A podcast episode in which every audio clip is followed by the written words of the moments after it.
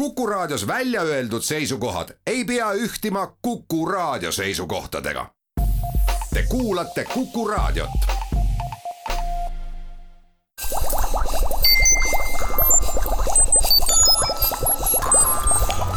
Kuku Õun head Kuku kuulajad, Kuku Õun eetris. täna võtame vaatluse alla rohepöörde oh, suur vahva nimi, eks ole, aga tehnoloogilised üksikasjad, mis sellega seotud on. küll olen kutsunud äh, Maarja Krossberg-Kuuse, kes on Tallinna Tehnikaülikooli materjaliteaduse professor, tervist! tere! tänaseks hetkeks me oleme jõudnud nüüd kõikvõimalike selliste turutrikkide ja probleemidega sinnamaale, et kõik hoiavad peast kinni ja ütlevad, et mis rohepööre veel, et vaadake, mis teevad elektri ja tooraine hinnad et unustaks selle ikka täiesti ära, püüaks vanamoodi edasi saada, kui kõik oli ilus ja kaunis, et kuidas sellega tegelikult on, et kas sellel üldse mingit perspektiivi on, et vanamoodi edasi saada ja mida meil uutmoodi minekuks vaja ühiskonnas ja tööstuses muuta on?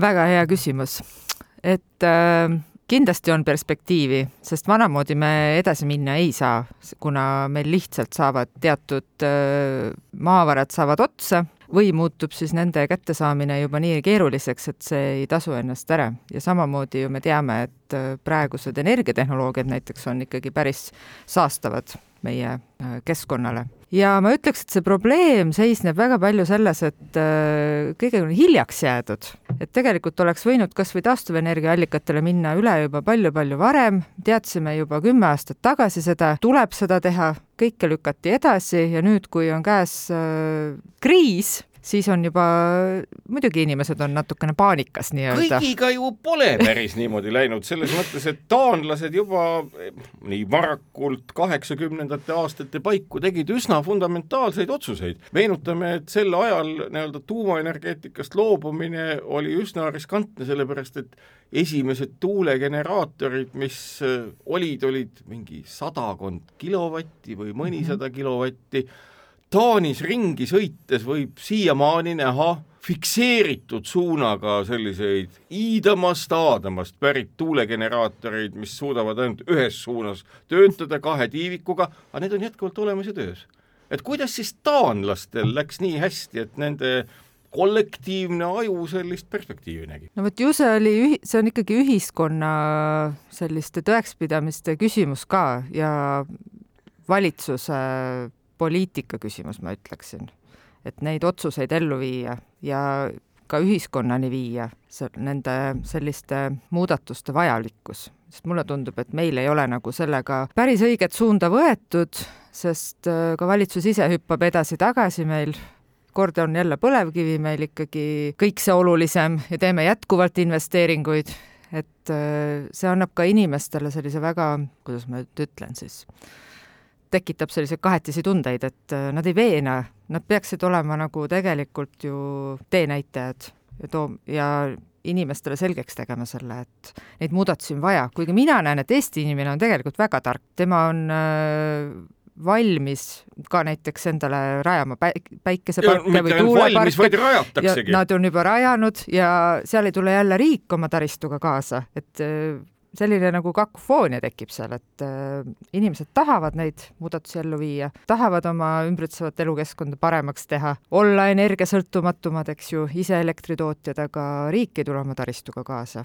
ma näen, et siin on nagu selline probleem, mida kuidas Taanis see, ilmselt ei olnud. kuidas see mõjutab äh ütleme sellist tehnikaharidust ja teadust ja inseneeriat laiemalt, et kas ka seal on siis nagu selline hüplikkus, et ühtepidi me oleme öelnud, et jah, kaks tuhat viiskümmend või võib-olla kaks tuhat nelikümmend viis, kõik on täiesti teistmoodi, ehk põhimõtteliselt need inimesed, kes teevad selle, sel ajal kõik täiesti teistmoodi, astuvad täna kas gümnaasiumisse või juba ülikooli, et äh, milline on siis nagu akadeemilise poole pealt see valmidus seda kõike täiesti teistmoodi õpetada, innustada inimesi otsima uusi tehnoloogilisi lahendusi ja andma neile selleks võimalusi? no ma ütleks, et neid õppekavasid ikka on, kus äh, vastava valdkonna spetsialiste ette valmistatakse, et noh, Tehnikaülikooliski me sel aastal avasime uue magistrikava rohelised energiatehnoloogiad, mille eesmärk on just kasvatada inimeste teadlikkust,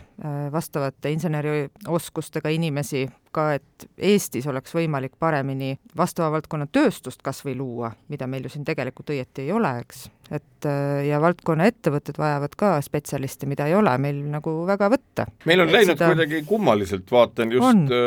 näiteks kas või seesama üsna oluline tehnoloogiaettevõte, mis tegeleb energia salvestamisega superkondensaatoreisse, et ega nende õitsemine toimub ju Saksamaal, mitte Eestis üldsegi täpselt, no seal on mitu, mitu aspekti alati Millised muidugi, üks on see vastava haridusega tööjõud, mis peaks olema ikkagi lokaalselt olemas, heal juhul, eks ju. ja teine asi on see kogu poliitiline ja ettevõtluskeskkond, et äh, mõlemad mõjutavad ikkagi päris palju selliseid suurettevõtteid. ma saan aru, et tehnoloogiates muutused peavad olema ja ilmselt ka saavad olema üsna ulatuslikud ja see ei puuduta mitte ainult energiatehnoloogiaid, vaid põhimõtteliselt kõike, mida me valmistame e,. selline järgi lohisev tohutu energeetiline seljakott ja tekkiv süsiniku mass, mis atmosfääri paisatakse süsihappegaasi näol on ikkagi meeletu.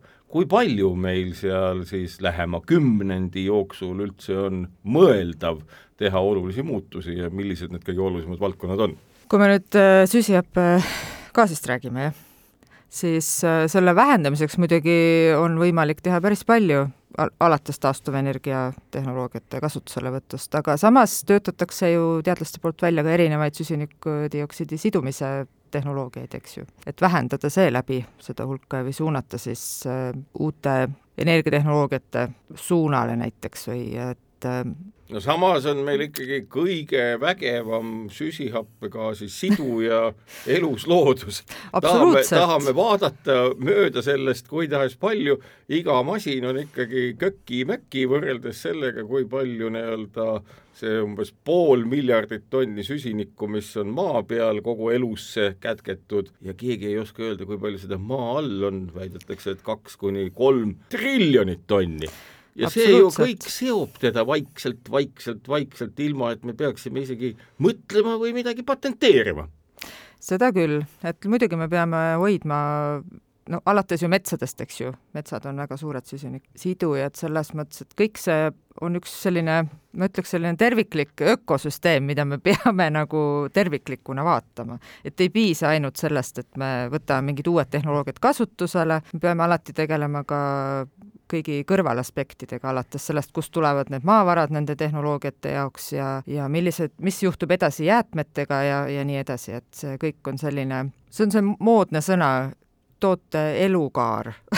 Nüüd toote elukaares üks selline äh, põnevamaid asju, mida me natukene jõuame selle esimese saateosa lõpus käsitleda, on ju see, et äh, kõiki asju peaks tegema alates äh, keemilistest ühenditest kuni ju päris suuremate asjadeni välja, sellistest jupikestest, mida on lihtne taaskasutada ja et alati me ei pea ju autot või pesumasinat või mida iganes tolmuks mm -hmm. jahvatama ja siis sellest tolmust tegema hakkama uusi asju, vaid ikkagi sellise legoklotsi põhimõttel, et äh, võtame lahti, see ei ole päris molekul, milleks ta lahti läheb, samamoodi nagu elugi toimib, eks ole mm, -hmm. et mhm. äh, me ju ei põleta iialgi ära kõiki endasse söödud valke või rasvu, alati jääb mingi jupp alles, millest uus tehakse. kaugel me sellisest tehnoloogilisest äh, tulevikust oleme? ma usun, et erinevas valdkonnas erineval kaugusel et tegelikult ikkagi mitte ühtegi tehnoloogiat, ma julgen öelda, tänapäeval enam ei arendata nii, et selle peale ei mõelda. et see ei olegi nagu väga võimalik enam, et selline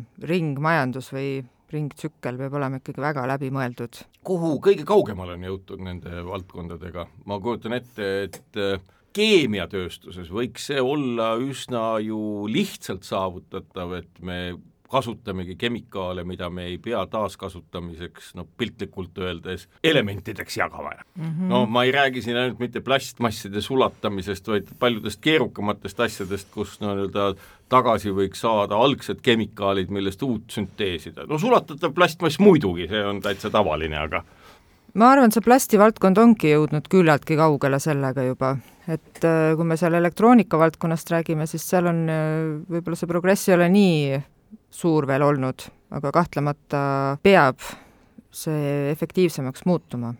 et see on selge, sest elektroonikajäätmeid tuleb meil ikka väga palju juurde iga-aastaselt ja sinna ju panustavad ka kõik energiatehnoloogiad, räägime me akudest või päiksepaneelidest, kõik on elektroonikajäätmed, et et nende mass kasvab tohutult ja need ümbertöötlemistehnoloogiad on, ma ütleks, mitte kõige efektiivsemad hetkel, aga võiksid, õigemini, selle nimel töötatakse, et nad muutuks efektiivsemaks.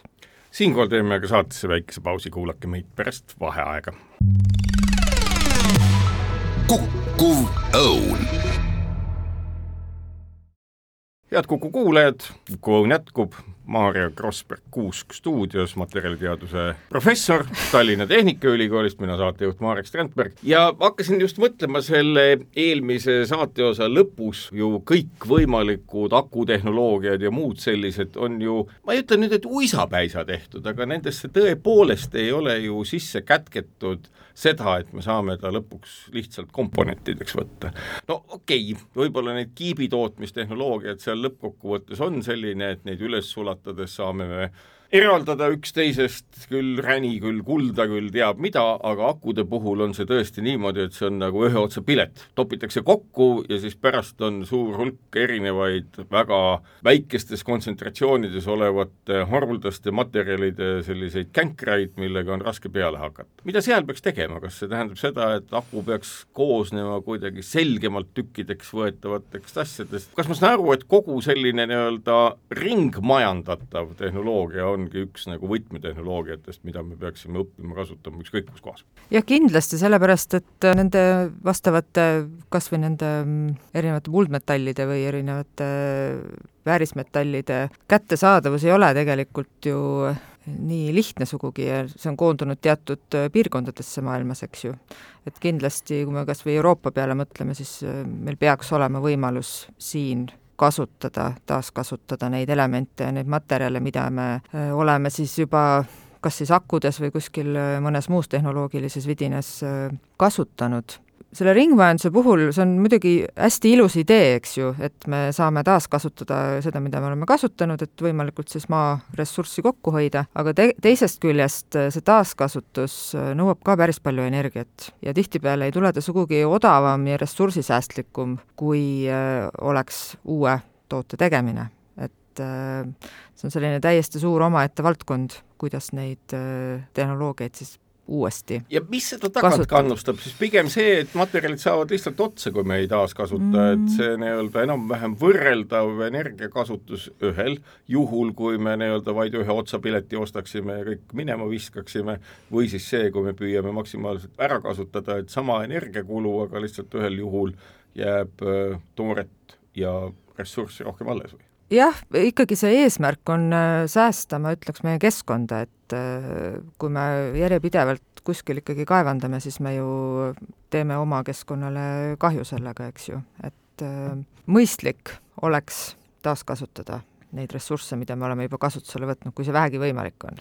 üks asi, mis ka eelmise aasta Nobeli keemiapreemia puhul kõrva ja meelde jäi, oli ju kõikvõimalike katalüsaatorite, no küll jah, bioloogiliste molekulide tegemiseks esialgu mõeldud need olid, aga tegemine, milles ei oleks noh, siis ütleme, haruldasi materjale või mis on valdavalt süsiniku, vesiniku, lämmastiku, hapniku, väävli või mis iganes levinud elemendipõhised.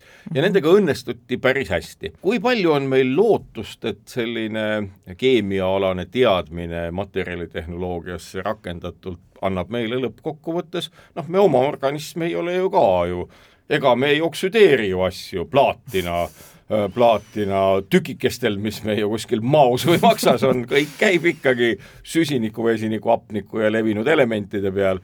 et kui suur lootus on, et enamus nagu selliseid protsesse, mis täna sellise väga ekstravagantsete materjalide peal tehtud, õnnestub lõpuks ikkagi teadmiste ja oskuste rakendamisega viia samasuguseks nagu, nagu elusloodus natukene laiendatult, natukene teistmoodi. minul on küll usku sellesse isiklikult, kindlasti on võimalik ja selle nimel ka töötatakse, nii et millal võiks tulla esimene vesiniku katalüüsiv, põletav, hapnikuga põletav kütuseelement, milles ei ole, ma ei tea, plaatina või mõnda muud harva esinevat elementi?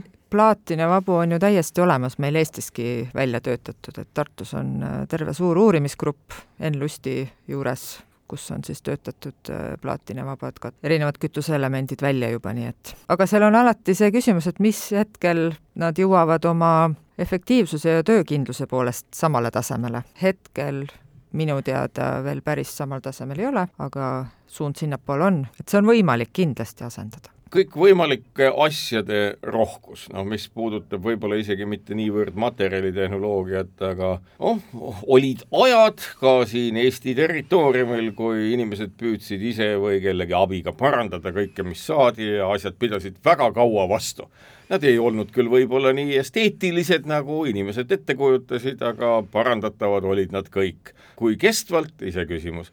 nüüd räägitakse samast teemast aina rohkem ja rohkem, et äh, asjad, mida toodetakse, erinevad masinad, kodumasinad, et nendel peab olema ikkagi parandatavus olemas ja võimalus näiteks ka, et kui ma olen kord mingi asja ostnud, et siis ma saan kasutada ka näiteks teadmist selle kohta, milline üks või teine plastmassist vidin seal sees on, et kui see pooleks murdub, et siis ma lähen naabri juures oleva 3D printeri manu ja lasen selle jublaka uuesti välja.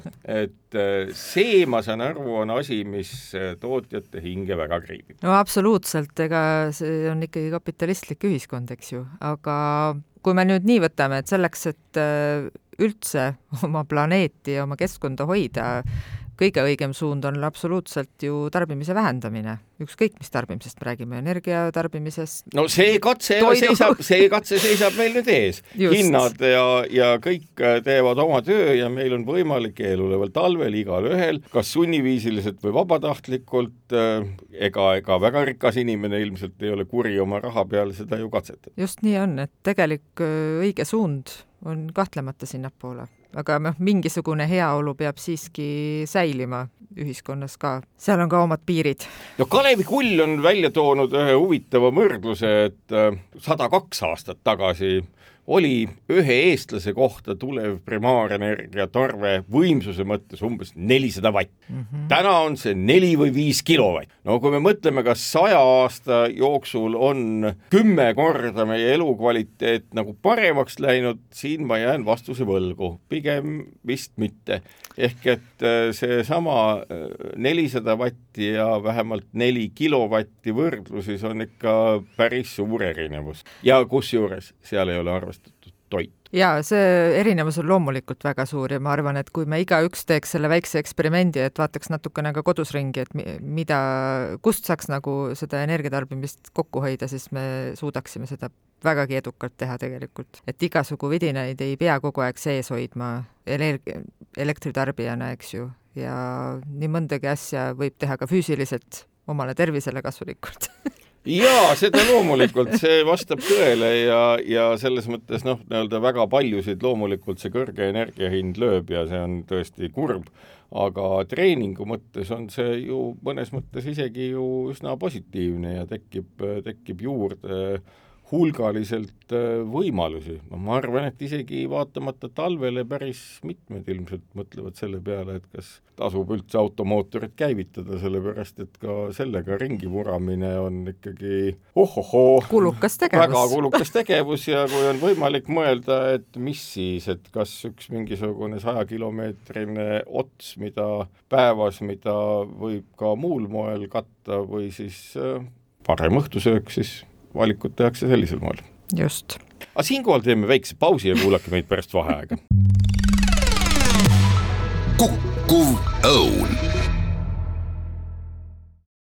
head Kuku kuulajad, Kuku Õun jätkab. Maarja Krossberg-Kuusk stuudiost, Tallinna Tehnikaülikooli materjaliteaduse professor, mina saatejuht Marek Strandberg. räägimegi sellest, millised võiksid olla need uued materjalitehnoloogiad ja üks asi, mis on meelde jäänud, on see, et kõneletakse väga sageli sellest, et nüüd seotult uute oludega on meil vaja seniste kaevandustele kas asemel või lisaks veel, milliseid praegu on vist kümne viieteist tuhande ringis maailmas, avada neid veel kümneid ja kümneid tuhandeid. kas see plaan on üsna selge või see on täpselt selline, et kui keegi leiab kas või näiteks katalüsaatorite või muude materjalide näol niisuguseid huvitavaid kõrvalteid, et äh, nende kümnete tuhandete uute kaevanduste avamine võib siiski unustushõlma jääda mingil hetkel? ma usun küll, et see, seda arvu on võimalik äh, vähendada uute tehnoloogiate äh, väljatöötamise abil ja tegelikult ma ei tea ühtegi suunda õieti materjaliteadusest, kus selle nimel ka ei töötata ja kuhu ei liiguta, et äh, me ikkagi püüame leida sellised alternatiivid olemasolevatele tehnoloogiatele, kus me saame loodusressursse säästa, saame efektiivsemad tehnoloogiad välja töötada ja olla ka natuke geopoliitilisemalt äh, sõltumatud. selles suunas liiguvad ikkagi enamus materjaliteaduse suunad. no mitte, et nüüd sellesse valdkonda kuluks äh väga suuri tuhandeid tonne materjale, aga üks äh,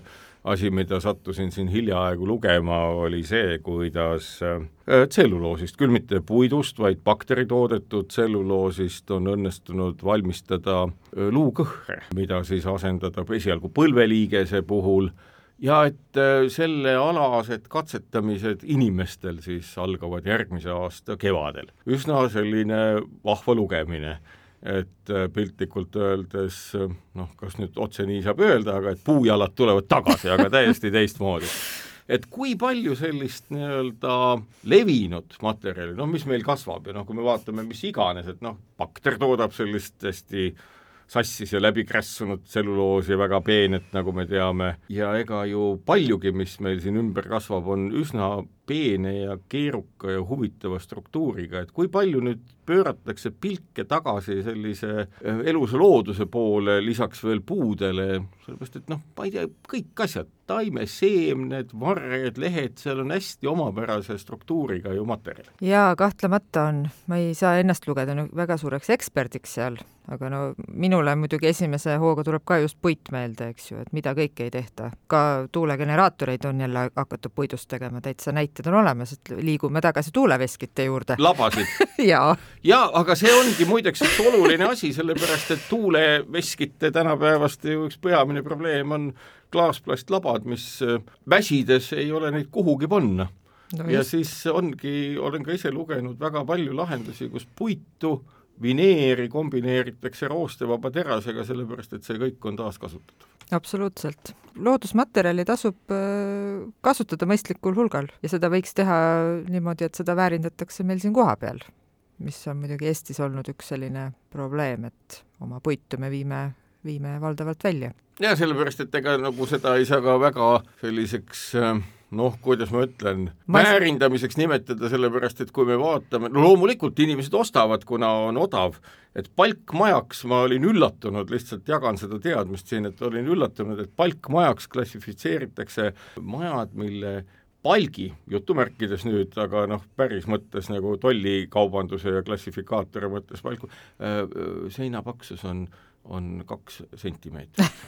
ehk et, et ka kõik need nii-öelda laudadest, aga nii-öelda kokku laotavad asjad, need on ikkagi formaalselt palkmajad, kuigi need võib-olla kestavad seal mõne suve või, või aastakese ja siis nad on omadega ühel pool ja loomulikult äh, selle asemel võiks olla hoopis midagi muud.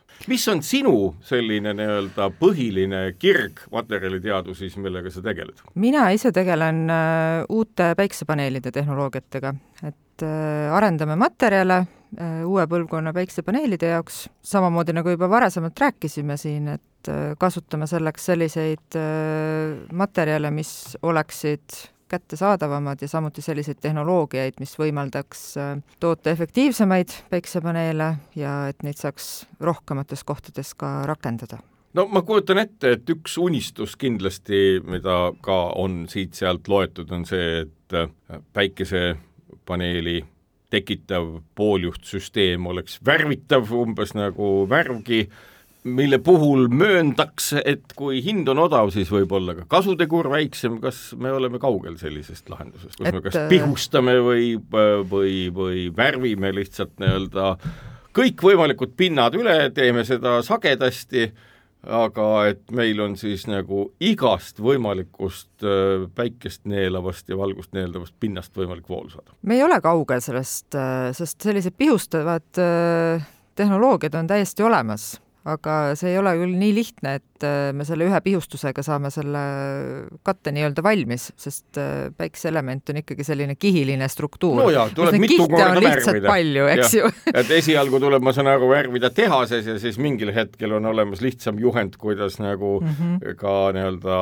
kolm-neli purki tuleb koju ja on juhend, kuidas, kuidas te värviksite oma seina päikesepaneeliks? Või see on ikkagi, see on ikkagi veel utoopia? no hetkel on ta ikkagi utoopia, ma ütleksin, aga samas äh, mitte isegi niivõrd seinad, aga näiteks aknaklaasidelegi ju tehakse selliseid ülihuksi päiksepaneeli kihte juba, mida, miks mitte pihustada, et pihustustehnoloogiate abil neid tavaliselt tehaksegi, et selliseid siis on meil veel kõikvõimalikud, kõikvõimalikud autod, mis kogu aeg ringi sõidavad, meil on nagu tehiskeskkonnas neid objekte ju väga palju, mis on puude asemel pandud ja mis on võtnud ära selle fotosünteesiva jõu, mis meid siiamaani siin maa peal on elusana hoidnud, kuna hapnik ju mujalt ei pärine. Jaa, seda küll aga üldiselt, kui päiksepaneelide maailma peale vaadata, siis äh, just need tehnoloogiad, kus kasutada ära linnades selliseid suuri kõrghooneid, olgu need siis klaasid äh, või fassaadid, mida panna elektrit tootma, see on üks põhilisi suundi, ma ütleksin. mis täna siis äh, lubav tehnoloogiline suund on, kui tavaline, kõigile teadaolev või laialt kättesaadav on siis erinevat tüüpi räni peale ehitatud pooljuht, mis see järgmise põlvkonna materjal on? meie tegeleme selliste mitmikühenditega, anorgaanilistega, nagu kesteriidid, antimon, kalkogeniidid ja niimoodi, aga ma ütleks, et kõige suuremat perspektiivi hetkel on näidanud perovskiidid mis on ühed sellised äh, orgaanilised ühendid, millega on saadud juba kõrgemaid efektiivsusi kui räni. perovskiit ise on ju anorgaaniline mineraal, lihtsalt see orgaaniline, just, aga lihtsalt see orgaaniline molekul mm -hmm. kopeerib selle orga-, anorgaanilise mineraali struktuuri, siis ma saan ja. aru, selle tõttu neid nimetatakse perovskiitideks. just, ja neid on ka päris palju erinevaid ja tõesti, nad on äh, näidanud ennast juba väga perspektiivsetena, et hetkel äh, nagu orgaanika puhul sageli probleem on, on stabiilsuse probleem, aga selle kallal ka töötatakse, ma usun, et ühel hetkel tuleb seal selline läbimurre, et nad on üks põhilisi tehnoloogiaid, mis meil tulevikus saab turul olema. nii huvilise kuulaja eest kui isegi huvitudes, et mis selle orgaaniliste perovskiitstruktuuridega tänasel hetkel äh, valguse konverteerimise kasutegur on? Äh, seal kahekümne seitsme, kahekümne kaheksa protsendi juures ja mis on ilmselt laborikatsetused. Need on laborikatsed, jah. ja need paneelid, mida te igaüks osta saate, seal on see umbes kaheksateist või kakskümmend protsenti? see jääb sinnapoole, jah. aga ta on äh, tehnoloogia mõttes oluliselt äh, ressursisäästlikum ja, ja odavam, kui on ränitehnoloogiad. ja sellepärast, et räni peab ju sulatama, kas Just. saada monokristall või muu, et on see ikkagi päris kõrge temperatuur. aga siinkohal teeme saatesse väikese pausi, kuulake meid pärast vaheaega. kukkuv õun head Kuku kuulajad, Kuku Õun jätkab Maarja Krossberg-Kuusk stuudios, Tallinna Tehnikaülikooli materjaliteaduse professor, mina saatejuht Marek Strandberg. tegelikult me ju ei pääse üle ega ümbert väga paljudest muudestki tehnoloogilistest lahendustest, noh kas või näiteks põllumajandusestki, ega meie toidutootmise traditsioonid tänagi ju teada ägavad toidukasvatajad selle all, et kui ikka panna see poole miljoni eurone traktor käima ja püüda sellega põldu künda või kombain, mis sama kallis ja püüda sellega vilja koristada, siis arvud, mis tulevad kütusearvetele, on vaatamata soodushindadele ikkagi väga suured. kas nüüd selline toidu tootmise siirdumine hoopis teiste asjade peale on ka nagu su huviorbiidis, noh, mida me oleme siin kuulnud, pärmid selleks, et valku kasvatada, täiesti uued kasvuhooned, mida ka Eestis kastestama hakatakse, vertikaalsed ja nii edasi, nii edasi kuhu ju kulub ka väga palju energiat. ei vot see jah, ei kuulu sinna minu valdkonda, aga loomulikult on seal toimumas väga palju põnevat, kõikvõimalike sünteetiliste toitude tegemisel kas või et me ju suudame laboris ka liha teha juba ja, ja nii edasi, kõikvõimalikud putukatest tehtavad toidud, mis siin on äh, juba tituleeritud tulevikutoitudeks ja et seal on ikkagi päris palju põnevat toimumas, aga ma usun, et selle koha pealt on palju paremaid inimesi kutsuda Aga- siia rääkima võtame siis järgmise valdkonna, milleks on järgmine. meil näiteks transport ja, ja loomulikult haakub see nii akude kui mootorite kui kõige muuga. kogu aeg imestan seda, et huvitav, et kui pikalt veel nagu kannatab äh, inimene seda, et ta jaksab osta selliseid kahe poole ja kolme poole tonniseid äh, ülikiirelt kiirendavaid, väga kalleid sõidukeid, mis kõik töötavad elektri peal ja veavad edasi sellist noh, umbes sajakilost inimest koos tema kõigi asjadega. kui suurt äh, lootust pannakse selle peale, et inimese liikumisharjumused muutuvad just nimelt enda transportimisega seotud punktist A punkti B, sealt edasi punkti C ja siis A-sse tagasi? ma ütleks, et siin on äh, ikkagi selline mõtlemises äh, muutust vaja. ma arvan, et me liigume üha enam sinnapoole, et kogu meie elutegevus hakkab toimuma rohkem lokaalselt. selline iga päev äh, paarsada kilomeetrit tööle minna pigem äh, saab nagu harulduseks, rohkem toimub sellist, äh, muidugi see viib linnastumise suurenemiseni jälle, eks ju, aga see ei pea toimuma ilmtingimata linnas, see võib olla ka väiksemast piirkonnast, kui seal on tagatud kõikvõimalikud vajalikud teenused ja infrastruktuur.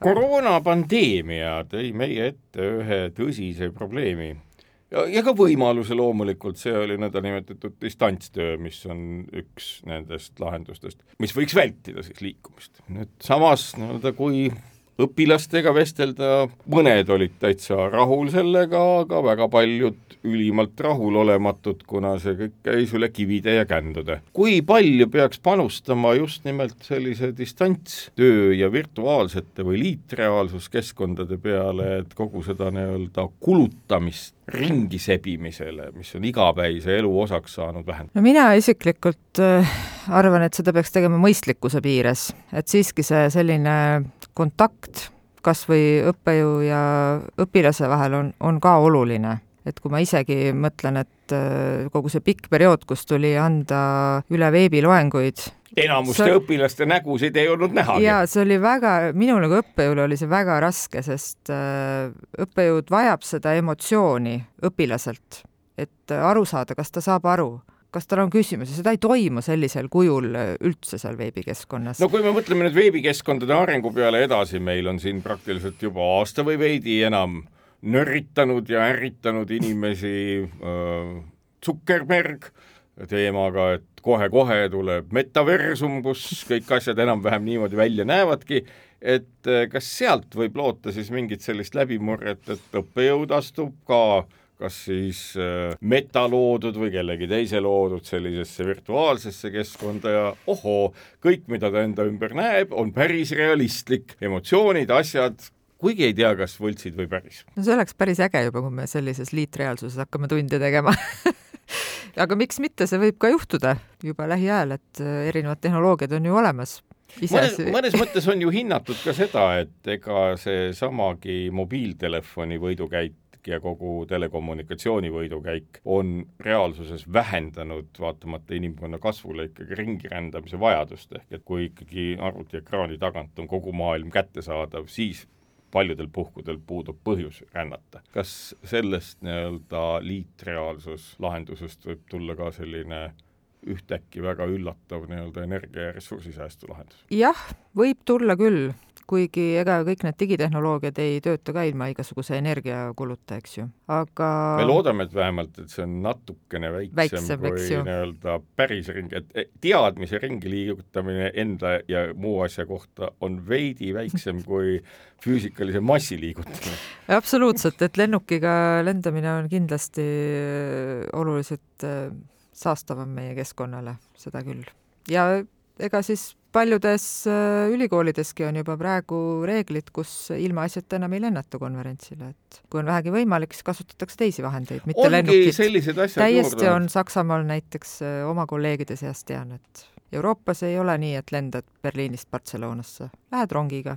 Täiesti on, on- on reeglid või on siis näiteks ka see, et keegi ei pahanda, kui sa ütled, et ma teen ettekande virtuaalselt üldse. jah, see on ikkagi siiamaani ikka väga levinud, et äh, väga palju kasutatakse seda endiselt, et enamus teaduskonverentsid on ka ikkagi hübriidvormis, ma ütleks. kui lõpetuseks küsida veel neid teemasid, mida me võib-olla täna ei käsitlenud, aga mida sa ise pead väga oluliseks, mida me peaksime Eestis just nimelt äh, selliste rohepöördeks ja muutuseks, noh tegelikult uueks tööstusrevolutsiooniks kindlasti ette valmistama ja kindlasti keskenduma? no mina näen ikkagi väga kriitilise valdkonnana seda kogu jäätmemajandust, just töötada välja sellised äh, tehnoloogiad, et me saaksime rohkem ringlusesse võtta seda, mida me juba kasutame, et me ei peaks seda ressurssi kogu aeg juurde ja juurde haarama sealt loodusest. mulle tundub, et see on üks selline olulisi teemasid. mida selleks teha? selles mõttes jäätmemajandus on meil nagu ülikeeruline ja päädib on. ikka enam-vähem sama asjaga, et kõik segatakse kokku, kõik läheb sama sorteerimisliini peale ja sealt saadakse kätte täpselt nii palju materjale kui võimalik plastikmaterjalidega on vist hästi, klaasi ja metalliga ma loodan ka, kuna need maksavad väga palju ja ka paberiga, et kõik, millel on hinnalipik juures, et see koondub väga hästi ju taaskasutusse. jaa, mõningad asjad küll, aga siiski ka uute tehnoloogiate puhul on see, on see selline oluline, et et äh, kui ma oma valdkonna pealegi mõtlen, siis Eestis ei ole näiteks võimalust äh, kuskile oma päiksepaneele anda ja nendega ei tehta siin mitte midagi. et äh, samas, kui me mõtleme, kui palju neid järjest uuesti nagu kasutusele võetakse, jah, neil on pikk eluiga, see ei ole homne probleem. kakskümmend viis aastat Just. umbes, ehk et kümne aasta pärast on tõenäoliselt esimesed paneelid, mida on võib-olla mõned tonnid, aga, aga kolmekümne aasta pärast on neid juba sadu tonne. jaa, et see probleem tuleb, aga see võtab ka aega, et vastavat tehnoloogiat tegelikult kasutusele või välja töötada ja kasutusele võtta ja nüüd veel just... see, ja oh, nüüd üks küsimus veel, seesama rohemajanduse või rohetehnoloogiate magistriprogramm, äh, sinna oodatakse inimesi, millal sinna saab ennast kirja panna või see aeg on juba möödas? see aeg on hetkel möödas. ja järgmine et... aeg on? On nüüd uuest aastast jälle, et me alustame esimese kursusega nüüd äh, juba sel nädalal siis, et meil oli täitsa tore vastuvõtt. palju seal inimesi on täna? alustab kakskümmend üheksa magistranti praegu. kas kõigil on nendel nii-öelda tehnoloogiline või teaduslik baasharidus?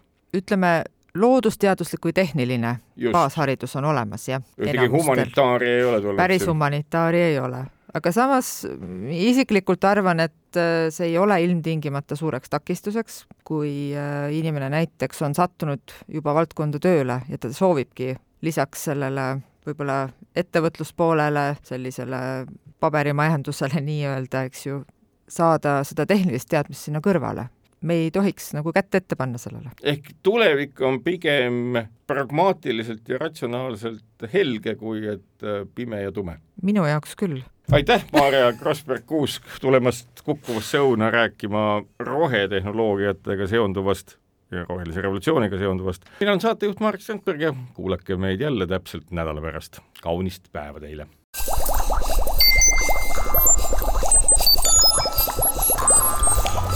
kukkuv õun